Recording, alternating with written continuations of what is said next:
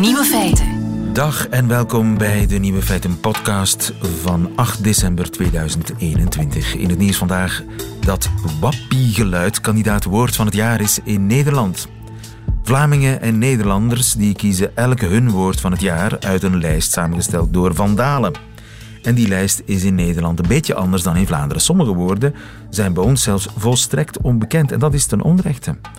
Prikpolarisatie bijvoorbeeld. Als voor- en tegenstanders van het vaccin lijnrecht tegenover elkaar staan. Sommige families lijden daaronder. Een gevoeligheidslezer, nog zo'n woord. Iemand die een manuscript voor publicatie doorleest op potentieel aanstootgevende passages. Een gevoeligheidslezer. Pandemocratie. Democratie die veranderd is door een pandemie. Prikspijt. Ligt voor de hand wat dat betekent. Vaccinatievoordringer, als in de zin de burgemeester kwam in het nieuws als vaccinatievoordringer. Maar het mooiste woord is toch wappiegeluid. En wat betekent wappiegeluid? Wel, een wappiegeluid is een mening gebaseerd op pseudowetenschap. Geen wappiegeluiden hopelijk in deze podcast. De andere nieuwe feiten vandaag. In Japan verdwijnt stilaan een eeuwenoude decembertraditie, met name op café verplicht meedrinken met de baas. President Assad van Syrië is een drugsdealer geworden. Drie minuten in een welbepaald rood licht kijken 's ochtends is goed voor uw kleurenzicht. En welke stof antibiotica kan boosten, dat verneemt u in de woensdagquiz. De nieuwe feiten van Bas Birker die hoort u in zijn middagjournaal. Veel plezier. Nieuwe feiten. Radio 1. Syrië ligt in puin, maar de drugshandel die bloeit er als nooit tevoren. Jens Fransen, goedemiddag. Goedemiddag. Jens, je bent onze Midden-Oosten-kenner. Het grootste exportproduct van Syrië, dat is tegenwoordig drugs. Welke drugs? Het gaat volgens eh, de Amerikaanse krant The New York Times om Captagon. En dat is eigenlijk een, de, ja, de merknaam voor amfetamines. En dat zijn heel erg oude drugs. Hè. Die kennen we al van het einde van de 19e eeuw. Worden al lang gebruikt en zijn ja, eh, producten die eigenlijk kennen we onder de, de, de moderne namen als speed. Een afgeleide daarvan is crystal meth. Ja. Kortom, eigenlijk ja, synthetische drugs. Was vroeger heel populair bij studenten, hè, om het nachtje door te kunnen blokken. Voilà. Captagon. In, in de jaren eh, 60 en 70 werd het ook op en grote nog, schaal nog diep in de jaren 80. gegeven. Aan militairen ook Ja, gegeven. in de Vietnamoorlog onder meer. Ja. Nu, waar worden die drugs gemaakt? Die Captagon, waar wordt dat gemaakt in Syrië? Wel, dat wordt gemaakt in gebieden die onder controle staan van het Syrische leger. Meer specifiek zelfs een bepaalde afdeling daarvan, de vierde divisie. En dan natuurlijk ging bij een aantal onderzoekers ook in de, ja, in de buurlanden van Syrië ging een aantal alarmbelletjes rinkelen. Want die vierde divisie staat onder meer onder leiding van niemand minder als Maher al-Assad. En die kennen we dan weer als de broer van de Syrische president Dus de broer van de Syrische president, die controleert eigenlijk die productie en die verkoop waarschijnlijk ook van die drugs. Ja, als we die onderzoekers uit een aantal buurlanden ehm, en een aantal mensen die geïnterviewd zijn door de New York Times mogen geloven, is het wel degelijk echt georganiseerd door het Syrische regime zelf. Hè. Zij eh, zorgen voor de productie. Zij hebben ook eh, voorzien in ehm, ja, allerlei verpakkingsmateriaal. En het zijn dan ook militairen die ervoor zorgen dat die transporten naar bijvoorbeeld de Syrische haven van Latakia geraakt. Of dat die naar een aantal grensposten gaan, bijvoorbeeld met buurland Jordanië of met buurland Libanon, waar dan andere milities van Hezbollah, die gelinkt zijn met het regime van Syrië, het dan overnemen. Ja, en van daaruit vertrekt het over de hele wereld. Ja, het vertrekt over de hele wereld. Hè. Eh, men heeft in kaart gebracht waar die de voorbije jaren in grote getalen zijn, eh, zijn opgedoken. Wat opvalt is dat de productie de voorbije drie, vier jaar enorm is toegenomen. Hè. Vanaf 2017 is het begonnen, maar het is pas de voorbije twee jaar dat het heel erg toeneemt. En ze zijn een beetje overal ter wereld opgedoken. Hè. In Europa ook al, in Griekenland, in Italië is 14 eh, ton, Ehm, in Frankrijk ook al, Duitsland, maar vooral, en het, eh, het grootste exportland lijkt wel degelijk Saudi-Arabië, en dan natuurlijk ook de buurlanden ehm, Jordanië, maar zelfs tot, tot en met Maleisië in het verre Azië zijn die Captagon mede in Syrië opgedoken. En dat is echt een miljardenbusiness. Het is echt letterlijk het grootste exportproduct van Syrië. Ja, er wordt gegokt dat het uh, een export zou zijn goed voor 14 miljard dollar. Moet je natuurlijk tegenoverstellen, ja, Syrië heeft op het ogenblik natuurlijk weinig andere dingen te exporteren. Het is een land dat in puin ligt. Het heeft een heel klein beetje olie in het oosten van het land. Het had vroeger ja, wat landbouwproducten, dat soort dingen. Maar op dit ogenblik lijkt die Kaptagon bij uh, nummer 1 te zijn in die Syrische export. Is Assad een drugsdealer geworden? Ja, eigenlijk mag je dan zeggen van wel, als je dit onderzoek mag geloven, en het, is heel, uh, het, is heel, het lijkt heel erg goed uitgevoerd, hè, want er komen bijvoorbeeld ook hoge um, mensen uit de administratie van buurland Jordanië uh, aan het woord, en die wijzen allemaal naar die familie Assad.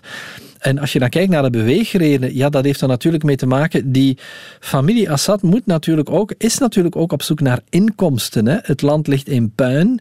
Uh, er zijn een pak minder inkomsten. Ja, en op een bepaald moment zoekt men wellicht waar het die inkomsten kan halen. En op dit ogenblik is dat dan in de illegale, ja, de illegale praktijk, in de illegale productie en smokkel van uh, amfetamines. Maar dus de opbrengst van die drugs komt niet alleen terecht in de, in de persoonlijke zakken van de mensen die daarmee te maken hebben, maar ook eigenlijk in het staatsapparaat.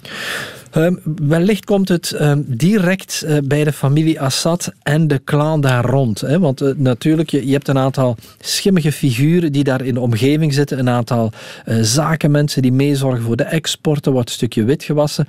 Maar ik ga er niet van uit dat met het geld van de Kaptagonverkoop schooltjes worden gebouwd. Ja. Maar dat het eerder zal gaan voor, oh ja, voor, voor het onderhouden van die grote familie Assad. Ja, uh, Assad als drugsdealer en net nu hij ja, in de Arabische wereld weer frequentabel was geworden. Hè?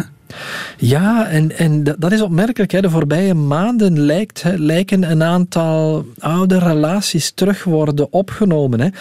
Um, president uh, Assad is jarenlang het zwarte schaap geweest in de regio en ook internationaal. Hij kwam het land niet meer uit. Op een enkele keer naar uh, Rusland bijvoorbeeld.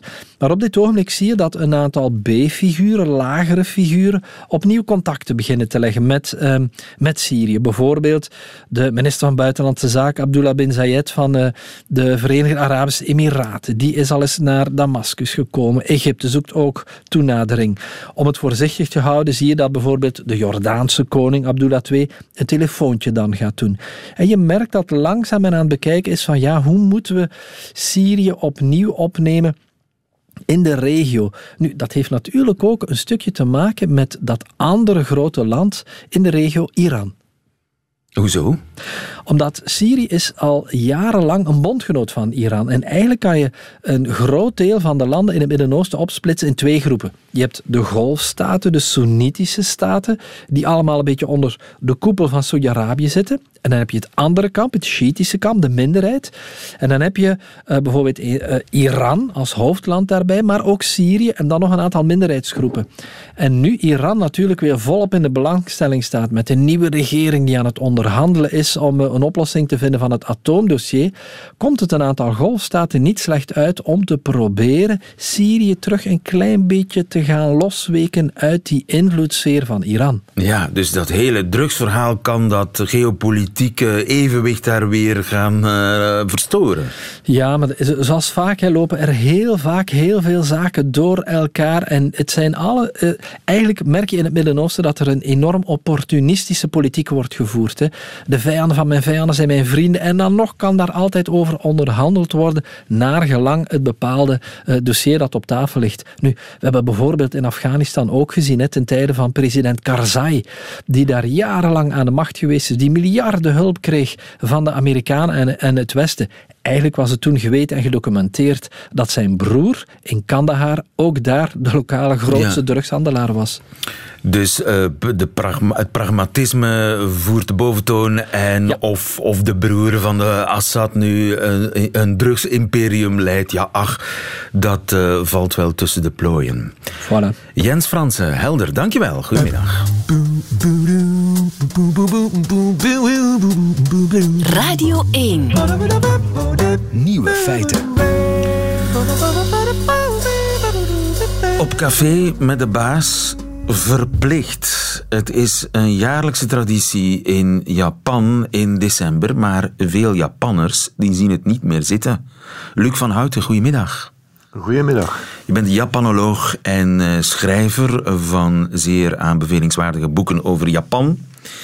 Uit een uh, rondvraag van een Japanse krant blijkt dat 60% van de Japanners de Bonenkai overbodig vindt. Wat is de Bonenkai?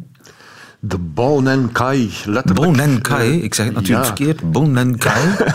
uh, Bao betekent vergeten, nen is jaar en kai is bijeenkomst. Dus het is een bijeenkomst letterlijk om het jaar te vergeten. En wat gebeurt er op die bijeenkomst? Dus de, de bedoeling is eigenlijk dat aan het eind van het jaar alle onaangename dingen die er zijn gebeurd uh, vergeten worden. En dat men dus met een schone lei, met frisse moed aan het nieuwe jaar kan beginnen. Um, maar goed, uh, in de praktijk gebeurt dat dan uh, met de nodige spijs en drank. Zodanig dat sommigen het ook wel letterlijk vergeten ah, wat er voor die is gebeurd. Dat ja. zijn echte braspartijen soms. Nou ja, die, je hebt in alle variaties. Ik bedoel, uh, sommige dingen... De Bon ik heb zelf wel een aantal Bon en Kai meegemaakt en dat waren doorgaans wel plezante bedoelingen.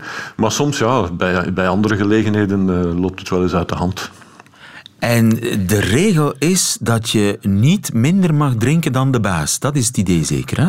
Goh, ja, dat, zijn zo, dat, dat is natuurlijk, het hangt ervan af. Hè. Die bon en kai gebeuren uh, niet alleen in bedrijven, maar ook uh, bij verenigingen en zo. Dus afhankelijk van de context verschilt dat. Uh, en zijn de ene, bij de ene gelegenheid zijn de regels strikter dan bij de andere.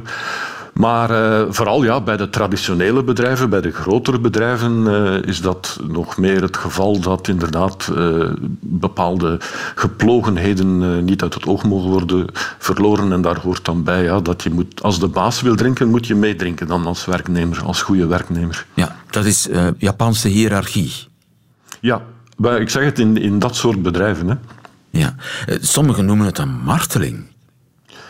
Maar ja, zoals bij ons. Hè. Ik bedoel, ik denk dat dat wel voor een stuk herkenbaar is. We hebben hier ook uh, eindejaarsfeesten en nieuwjaarsrecepties. En de ene vindt dat allemaal heel leuk en de andere kijken daar uh, heel erg tegenop. Dus ook Japanners die uh, liever niet in grote hoeveelheden alcohol drinken. Die, voor hen is dat een verplicht nummer en, zien, en die zien daar tegenop. Ja. ja, maar als je dan zegt, ja, maar ik doe niet mee of ik drink, ik drink gewoon een glaasje sap. Wel, dat verandert ook. Hè. Meer en meer. Er zijn uh, die, die, die strikte regels binnen een bedrijf. Er zijn minder en minder bedrijven waar het van toepassing is. En er zijn ook minder en minder werknemers die daar willen in meegaan. Omdat uh, ja, de, de, het, het, het verandert allemaal. Hè. Dus vroeger was het bedrijf zo'n beetje ja, familie van, van vooral dan de, de mannelijke werknemers. Het ging heel ver. Ja, we, klinken het cliché, we kennen het clichébeeld van de Japanse werknemer die zijn familiale leven en zijn sociale leven helemaal opoffert uh, voor het bedrijf. Maar dat cliché is minder en minder van toepassing. Ten eerste omdat heel veel Japanners niet meer in vast loonverband werken. Uh, dus, dat, dus die zijn daarmee al niet meer in dat systeem terug te vinden. En ten tweede, ja ehm, Volgens het oude Confucianistische principe moest je niet alleen je, jezelf toewijden aan het bedrijf, maar moest het bedrijf ook voor jou zorgen levenslang. En vooral dat tweede luik uh, van, van de deal is, is, niet meer van toepassing, want in Japanse bedrijven worden vijftigers net zo goed uh, ontslagen vanwege hoge loonkosten als uh, bij ons.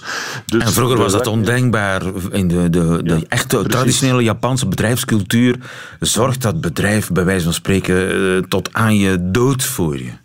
Ja, dat was de deal. En in ruil daarvoor... Totale toewijding. Ja, verwachten ze dan totale toewijding. Maar aangezien vooral van de bedrijven uit uh, die deal niet meer wordt gerespecteerd, zijn werknemers van de jongere generaties, die ook gezien hebben wat er met hun vaders uh, is gebeurd, zijn die niet meer geneigd om daarin mee te gaan. Dus je hebt ook meer en meer mensen binnen het bedrijf die zeggen, nou goed, ja, ik ga werken, uh, ik krijg mijn loon en voor het overige wil ik tijd doorbrengen met mijn vrienden of met ja. mijn familie. En Waar, dat... Waarom zou ik verplicht op café gaan met de baas? Precies, ja, en, en daarom was die hele coronasituatie natuurlijk ook een mooi excuus. Uh, omdat, uh, omdat ze daar op die manier konden aan ontsnappen. Hè. Aha, en nu is corona, dit coronatijdperk min of meer voorbij. Er zijn weinig besmettingen in Japan op dit ogenblik. Dus het kan Ja, weer, ja, die Bollenkai eh, zou weer kunnen. Maar ja, nu, nu blijkt al te zeer, nadat hij, die Bollenkai eh, een jaar of twee jaar misschien zelfs eh, achterwege is gebleven, merken Japans eigenlijk hebben daar geen zin meer in. Ja, en ook, ah, ze hebben inderdaad vorig jaar vastgesteld dat het eh, bij sommige mensen dan die er tegenop zien als een verplicht nummer, dat het eigenlijk wel een handig excuus was. Eh, en die zouden het eh, best oké vinden als, het, als die traditie niet meer opnieuw begint. Ook bij bedrijfsleiders trouwens. Hè. Ah, ja. Want veel van die bazen, ah, je moet weten, door de aanslepende economische malaise in Japan zijn vele, staan vele bedrijven er niet zo, financieel niet zo goed voor. Dus ook voor, voor, voor bazen was het vaak eh, mooi meegenomen, dat, want die, die dingen kosten geld natuurlijk. Hè. Het bedrijf moet dat allemaal betalen. Dus eh, dat was een mooie besparing. Eh, Is het de westerse stijl, die, de westerse cultuur, die, die oude traditionele Japan... Want het is een, een traditie van eeuwen oud, die Bonenkai. De Westen dat stilaan toch die Japanse cultuur ja, infiltreert. Ja, vooral dus, eh, in, in de jaren 80, eind jaren 80, toen Japan op zijn economisch hoogtepunt was, werd de managementcultuur van Japan druk bestudeerd en geloofd en geprezen en er werd van allerlei dingen overgenomen in het Westen. Maar in de jaren 90, toen het economisch dan eh, veel minder begon te gaan, eh, is het omgekeerde gebeurd en zijn, te beginnen met de grote bedrijven zoals Toyota en zo, en, de grote elektronica-reuzen, zijn westerse managers gaan binnenhalen. Eh, en die hebben natuurlijk ja, eh, hun technieken eh, op hun beurt in, het, in de Japanse bedrijfscultuur ingevoerd. En daar hoorde dus bij, onder andere ja, dat je de loonkosten moet drukken door ja, vijftigers te ontslaan. Ja. Bijvoorbeeld als je gaat restructureren, hè, besparen langs alle kanten. dus dat soort dingen. Hè. Ja, en daar hoort ook bij dat mensen in hun vrije tijd mogen doen wat ze willen. En niet Ja, of noodzakelijk... dat, ja, of dat meer eisen dat ze dat mogen doen. Hè. Ja.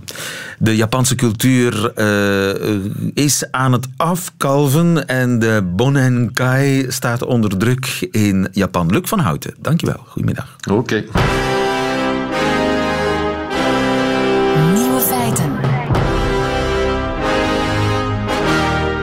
Woensdagquiz. Gilles Wijkmans, de man van de woensdagquiz, samensteller eh, op de redactie van Nieuwe Feiten. Wij spelen de woensdagquiz voor eh, 25 euro, een boekenbon te gebruiken bij een onafhankelijke boekhandelaar aangesloten bij Confituur. We spelen met Sven. Goedemiddag Sven. Goedemiddag, lieven. Sven, wat was je aan het doen? Eh, ik was aan het corrigeren. Ik ben eh, leerkracht. Wat geef je? Duits en Engels. Duits? Auf Deutsch. Wir können auch auf Ja. Deutsch reden. Die Quiz. Der Genau, Quiz. Is het genau. die, der Quiz? Die Quiz? Das Quiz. Das Quiz. Wir können das, Ja. das, das, uiteraard, das Quiz. Eva Berneel, goedemiddag. Goedemiddag. Eva, wat was jij aan het doen? Ehm aan het rusten. Aan het rusten? Was je moe? Ja. Slecht geslapen? Nee, nee, ik heb een operatie gehad en Oei. moet me een beetje rustig houden. Oei, ik eh, wens je heel veel eh, beterschap, wat het ook mogen wezen waarmee je worstelt. Eva, ik heb voor Dank jou u. en voor Sven vier nieuwe feiten. De kennis daarvan ga ik testen. Ik begin bij Sven, die zich eerst heeft gemeld. En zolang hij juist antwoordt, blijft hij aan de beurt. Bij een fout antwoord gaat de beurt naar jou, Eva. En wie het laatste nieuwe feit goed kent, die wint deze quiz. Is dat duidelijk? Ja hoor. Dan gaan we vertrekken. De Amerikaanse ruimtevaartorganisatie NASA heeft 10 kandidaat-astronauten geselecteerd uit een pool van 12.000 kandidaten. Eén daarvan, één van die tien, is Christina Birch. Zij heeft een diploma wiskunde, biologie en moleculaire biofysica. Maar wat staat er nog op haar palmares? A. Ze was gedurende een jaar sterrenchef. B. Ze is Amerikaanse kampioen baanwielrennen. C. Ze treedt regelmatig op als Dolly Parton-imitator. Sven. Ik denk een gokje B. Je denkt B. Dat is helemaal goed. Inderdaad. Elfvoudig trouwens. Elfvoudig Elfvoudig kampioen. Amerikaans nationaal kampioen baanwielrennen. Is dat een voordeel in de ruimte? Kunnen baanwielrennen? Ik, ik denk niet dat je een home trainer mee naar daar kunt nemen, dus ik denk het niet. Ehm, ze is ook nog trouwens drie keer eh, medaillewinnaar op het wereldkampioenschap baanwielrennen. Ja. En, en ze mag de ruimte in, misschien. Met de fiets. Ja. Misschien, hè, toch? Want het, zijn, ze- het is nog maar de shortlist. Ja, dus zij is inderdaad samen met negen andere eh, kandidaten geselecteerd om nu stage te lopen bij de NASA. En een paar van hen mogen dan uiteindelijk de ruimte in. Sven, ook vraag 2 is voor jou. Antibiotica-resistentie is een groeiend probleem, maar Chinese onderzoekers ontdekten dat je een bekende stof aan antibiotica kunt toevoegen om bacteriën minder resistent te maken. Welke stof? Is dat A. Goud, B. Alcohol, C. Zwavelzuur? Welke stof kun je aan antibiotica toevoegen om bacteriën minder resistent te maken? Eh, goh, dat is niet mijn branche natuurlijk, maar ik ga een gokje doen. Eh, zwavelzuur? Fout. Eva, zwavelzuur is het niet. Wat is het? Goud of alcohol? Ehm, alcohol? Het is goud. Goud, absoluut, inderdaad. Ja, antibiotica-resistentie is een groot probleem. Eh, tegenwoordig sterven er 700.000 mensen per jaar aan ziektes die in de jaren 60 en 70 eigenlijk perfect te behandelen waren.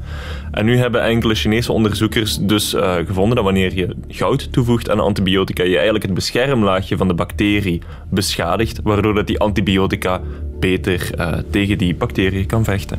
Sven, vraag, eh, Sven, vraag 3 is ook voor jou. Een nieuw onderzoek ontdekte iets bijzonders bij jonge vleermuizen. A. Ze vliegen in de eerste week dat ze zelfstandig zijn ondersteboven. B. Ze hebben een vorm van jongerentaal die hun ouders niet begrijpen. C. Ze hebben een favoriete boom. Ik Ja. denk A. Je denkt A. Fout. Ondersteboven vliegen in de eerste week dat ze zelfstandig zijn is fout. Eva Berneel, wat is het? B of C? Favoriete boom of jongerentaal? Ehm, B? Je denkt jongerentaal. Ah, hetzelfde stramien. Ze hebben een favoriete boom, Gilles. Ja, dus onderzoekers hebben gekeken hoe het komt dat vleermuizen een richtingsgevoel hebben. En ze hebben dan een aantal vleermuismoeders en een jongen een trekker gegeven en die dan gevolgd. En dan zagen ze van, ah ja, maar die jongeren die blijven eigenlijk de hele tijd op dezelfde plek, terwijl dat die moeder ineens van de radar verdwijnt. En dan zijn ze erachter gekomen dat die moeders, het gaat om de Egyptische fruitvleermuis trouwens, dat die moeders dus hun kind droppen in één specifieke boom.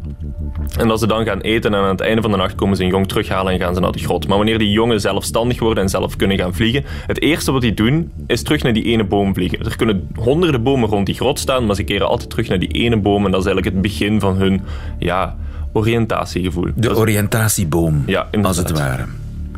Vraag 4, voor Sven alweer. Enkele onderzoekers hebben een nieuwe vorm van plastic uitgevonden. Waar is die van gemaakt? A. Appelschillen. B. Zalmensperma. C. Koeienmest. Gilles heeft zich geamuseerd, hè? Drie mogelijkheden voor dit nieuwe plastic. Waar is het van gemaakt, Sven? Eh, B. Je denkt B. Dat is helemaal goed. Sven, gefeliciteerd. Wij hebben, wij hebben gewoon een winnaar. Dankjewel, dankjewel. Zalmensperma. Ja, inderdaad. Zalmensperma. Ik weet niet of je... Proef het woord. Ja, heel, heel sappig om uit te spreken. Ehm Lieve Scheire is hier ooit geweest en die heeft toen ooit DNA gehaald uit een komkommer. En blijkbaar kan je dus van DNA plastiek maken. Dat hebben die onderzoekers dus ook gedaan. Ze hebben dat eh, DNA uit dat sperma eh, gefilterd. En dat is dan een beetje een gelachtige textuur. En als je dat mengt met olie, krijg je een hydrogel. Droogt je dat, het water gaat eruit, dan wordt het eigenlijk een harde vorm van plastic die je perfect kan recycleren, want het enige wat je moet doen is water toevoegen, kan je een andere vorm geven. En je kan het dan uiteindelijk ook recycleren door er DNA-etende enzymen aan toe te voegen. Ja, prachtig. De techniek en de natuur eh, hand in hand. Eva Berneel, helaas, het is eh, geen boekenbon geworden voor jou. Maar je hebt toch eh, heel goed je best gedaan, Eva. Dank je wel voor het meespelen. Sven, weet je al welk boek je gaat kopen met je boekenbon? Ehm, nog niet heel precies. Ehm, Mag ik jou iets aanraden? Ja, zeker. Dag. De weg naar buiten van Arthur Schnitzler. Ja. Oorspronkelijk Duits, prachtig vertaald door Jeff Rademakers. Oké, dat ga ik noteren. De weg naar buiten. De weg naar buiten als leraar Duits een eh, must. Sven van Oké. Akkeleien, dank je wel eh, om mee te spelen. En volgende week is er weer een woensdagquiz. Dank u wel. Dag. Nieuwe feiten. Radio 1. Rood licht kan uw ogen verbeteren. Dr. Leroy, goedemiddag. Goedemiddag. Dr. Leroy van het UZ Gent, gerenommeerde collega's van u in Londen hebben proeven gedaan met rood licht. Ze hebben 20 gezonde mensen tussen 34 en 70 jaar eh, met een normaal zicht, 's ochtends gedurende drie minuten, in een rood licht laten kijken. Was het een speciaal rood licht? Eh, toch wel. Het was een, zoals wij dat noemen, bijna infraroodlicht. In het Engels near infrared light. Dus 670 nanometer, dat is net voorbij het gewone rood toch wel. Ja, het is geen gewoon rood licht. Het lijkt sterk op infrarood licht. Zit ertussen. Dat is het licht dat je in, in die sauna's, die infrarood-sauna's wel eens ziet. Hè? Correct. Ja. En drie minuten lang. En waarom 's ochtends? Dat lijkt eh, verband te houden met het feit dat het effect op mitochondriën of energieplekjes in de cellen, dat effect is blijkbaar beter 's morgens. Die energieplekjes of mitochondriën in onze cellen zijn blijkbaar onderhevig aan een dag-nachtritme en het effect is blijkbaar het grootst als je dat 's morgens doet. Als je het 's namiddags doet, dan lijkt het eigenlijk geen effect te hebben. Ja, en dat zijn die cellen van het netvlies. Correct. In ons netvlies hebben we eh, als taak zien. Ehm, taak die eigenlijk behoorlijk simpel is. Het is het omzetten van lichtprikkels in elektrische prikkels. We doen dat in twee soorten cellen. Enerzijds kegeltjes tijdens de dag. Tijdens de nacht gebruiken we staafjes. Die cellen zien er zo uit onder de microscoop, vandaar de naam. Kegeltjes tijdens de dag zijn hier blijkbaar toch wel aan de basis van de verbetering van het zicht door blootstelling drie minuten aan dat eh, infrarode of bijna infrarode licht. Want er was sprake van verbetering. Correct. Wat men gemeten heeft is een eh, kleurzichtverschil. Dus er is een beter, betere gevoeligheid voor kleuren. Uh, men heeft dat op een speciale manier, kleurcontrastgevoeligheid heeft men getest eigenlijk, maar het komt neer op een verbetering van kleurenzicht. En dat blijkbaar als effect zou aanhouden voor een ganse week. Ah ja. Eén keer drie minuten in rood licht en je ziet een hele week veel beter de kleuren. Veel beter misschien niet. Een beetje beter. Ja, ik overdrijf natuurlijk. Uh, maar je, je, voor alle duidelijkheid, je ziet de dingen niet scherper, je ziet de kleuren beter. Dat is correct. Dus uw scherpzicht verandert blijkbaar niet. Dus de, de, het scherpzicht is eigenlijk het meten van uh, zien uh, wat wij meestal uitdrukken in lettertjes of cijfertjes ja, ja. op een kaart, in het zwart op wit. Maar hier heeft men specifiek gaan kijken naar een heel wat fijngevoeliger techniek gevoeliger voor verbetering. En dat is de, de, het kleurenzicht, hier uitgedrukt door contrastgevoeligheid met kleuren. Eigenlijk heel simpel gezegd is het een bepaalde letter presenteren op een achtergrond die heel sterk op de kleur van de letter gelijkt. En hoeveel contrast moet je dan in de kleur steken van het lettertje ten opzichte van de achtergrond op dat de persoon het zou zien. En Juist, blijkbaar ja. is daar een heel duidelijke verbetering. Dat is een pure kegelfunctie, dus dat is een dagzichtfunctie. En is dat ook iets wat afneemt met de jaren? Het is iets wat klassiek afneemt met de jaren. Onze kegelfunctie neemt duidelijk af. Onze staafjesfunctie trouwens ook met de leeftijd. Uh, dus iemand van 25 vergelijken met iemand van 70 is heel moeilijk, omdat die meneer of mevrouw van 70 uh, heel wat minder gevoelig zal zijn. Maar blijkbaar ah. heeft men mensen van jonge leeftijd en oudere leeftijd getest en allemaal hebben ze een duidelijke verbetering getoond. En heeft het zin om dat thuis zelf ook te proberen? Valt te bezien. Uh, en waarom valt dit te bezien? We moeten dat duidelijk testen op grotere hoeveelheden mensen. Dat is één. Ten tweede heeft men natuurlijk ook altijd met het blootstellen aan lichten een bepaalde energie die je straalt op het netvlies. op de lange termijn moet je dat toch bekijken of dat er schadelijke effecten zijn. Dus het is een mooie pilootstudie, zou ik zeggen. Zo, zo noemen we dat dan. Maar dat vraagt om bevestiging. Het is alleszins zo dat de resultaten van die pilootstudie voldoende interessant zijn om er verder op te werken. Ja, maar niet meteen thuis gaan zitten knoeien met uh, dat speciale rode licht. Want voor je het weet uh, is dat licht te sterk of zo en kun je je ogen beschadigen. Ik zou dat zeker zeggen. Dus het, het lijkt uh, absoluut uh, prematuur nu om, om te gaan zeggen: ik koop dat even in de uh, winkel en dat ga ik dan even toepassen, drie, drie minuten per dag. Je weet maar nooit. En inderdaad, het gecontroleerde um, energielevel, dus het niveau van energie wat je toedient aan het netvlies op die manier, is toch echt wel belangrijk. In die studie was dat blijkbaar een heel lage dosis. Maar vroegere proeven waren gedaan met hogere dosissen. Um, wat je zomaar in de winkel kan kopen, uh, dat voldoet niet aan de vereisten om dergelijke studies zelf te gaan thuis proberen. Dus ik zou dat zeker afraden. Ja. Maar er zit zeker muziek in. Het is uh, absoluut de moeite om op basis van de resultaten bereikt met deze pilootstudie ook verder te bouwen met verdere studies. Ja, het is te vroeg om thuis te proberen, maar toch hoopgevende onderzoeksresultaten. Rood licht kan uw verbeteren. Dr. Bart Leroy in het UZ in Gent, dankjewel voor deze heldere uitleg. Goedemiddag. Nieuwe feiten. En dat waren ze meteen, de nieuwe feiten van 8 december 2021. Die van uh, Bas Birker nu, in zijn middagjournaal. Nieuwe feiten. Middagjournaal. Liefste landgenoten. Ik ging naar de beenhouwer, of eigenlijk wilde ik erheen. Technisch gezien was ik er al, maar het licht was uit en de deur was open. De slager leek gesloten. Maar het is woensdag en dan is zij nooit gesloten. En was zij wel gesloten, dan was de deur niet open. Alarmbel. Zodra ik onraad ruik, ren ik normaal heel hard weg. Als het menselijk is om een vecht- of vluchtreflex te hebben, dan ben ik Gunther Levy op televisie. Ineens heel snel verdwenen. Tegen mijn natuur in ging ik binnen. Achter de toog zat een slager in tranen. Bebloede handen om het hoofd, zijn vlezige lijf op een krukje. God alle Jezus, riep ik uit, totaal geen rekening houdend met de eventueel gelovige achtergrond van de luisteraar. Wat is er in vredesnaam gebeurd? Een overval? Was het maar een overval, zei de slager. Dan was het eenmalig. Dit is structureel. De slager sprak Chinees en dan nog gebrekkig ook. Ik herhaalde mijn vraag. Wat is er gebeurd? Vraagt de maffia beschermingsgeld? Word je afgeperst door veganisten? Heeft de halal-lobby ontdekt dat spiering helemaal geen vis is? De beenhouwer schudde zijn hoofd. Het is de regering, komiekske. Ze kwamen binnen en zeiden dat vlees eten slecht is voor de gezondheid, levensgevaarlijk. En dus hebben ze het licht uitgedaan en de stroom afgesloten. Ik knikte en schudde mijn hoofd tegelijkertijd.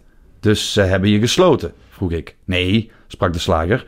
Ik mag gewoon benen houden, maar wel in het donker. Ik snap het niet, komiekske. Ik kan toch geen vleesjes bereiden als ik niet zie wat ik doe?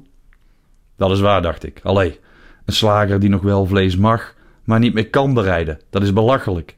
Dat is zoals een bakker van wie de oven wordt afgepakt. Of een artiest die nog wel mag optreden, alleen niet voor een publiek. De beenhouwer waste zijn handen. In zeep en onschuld. Als vlees inderdaad supergevaarlijk blijkt, ben ik de eerste om het uit de toonbank te halen, sprak hij verantwoordelijk. Dan begin ik een winkel met tofu, kikkererwten en agar-agar. Of ik ga online foto's van vlees verkopen. Maar je kunt er niet zomaar het licht uit doen. Hoe ga ik ooit nog de rekeningen kunnen betalen? Dat is de hamvraag, zei ik. Want ik durf nogal eens een woordgrapje te maken in fictieve conversaties met verzonnen personages om nog eens metaforisch uit te leggen in welke ellende mijn eigen beroepsgroep zich bevindt. Het verschil tussen wettelijk sluiten en feitelijk sluiten is exact gelijk aan de compensatie die je krijgt. Geen. Had je maar een echt vak moeten leren. Met je vleesjes.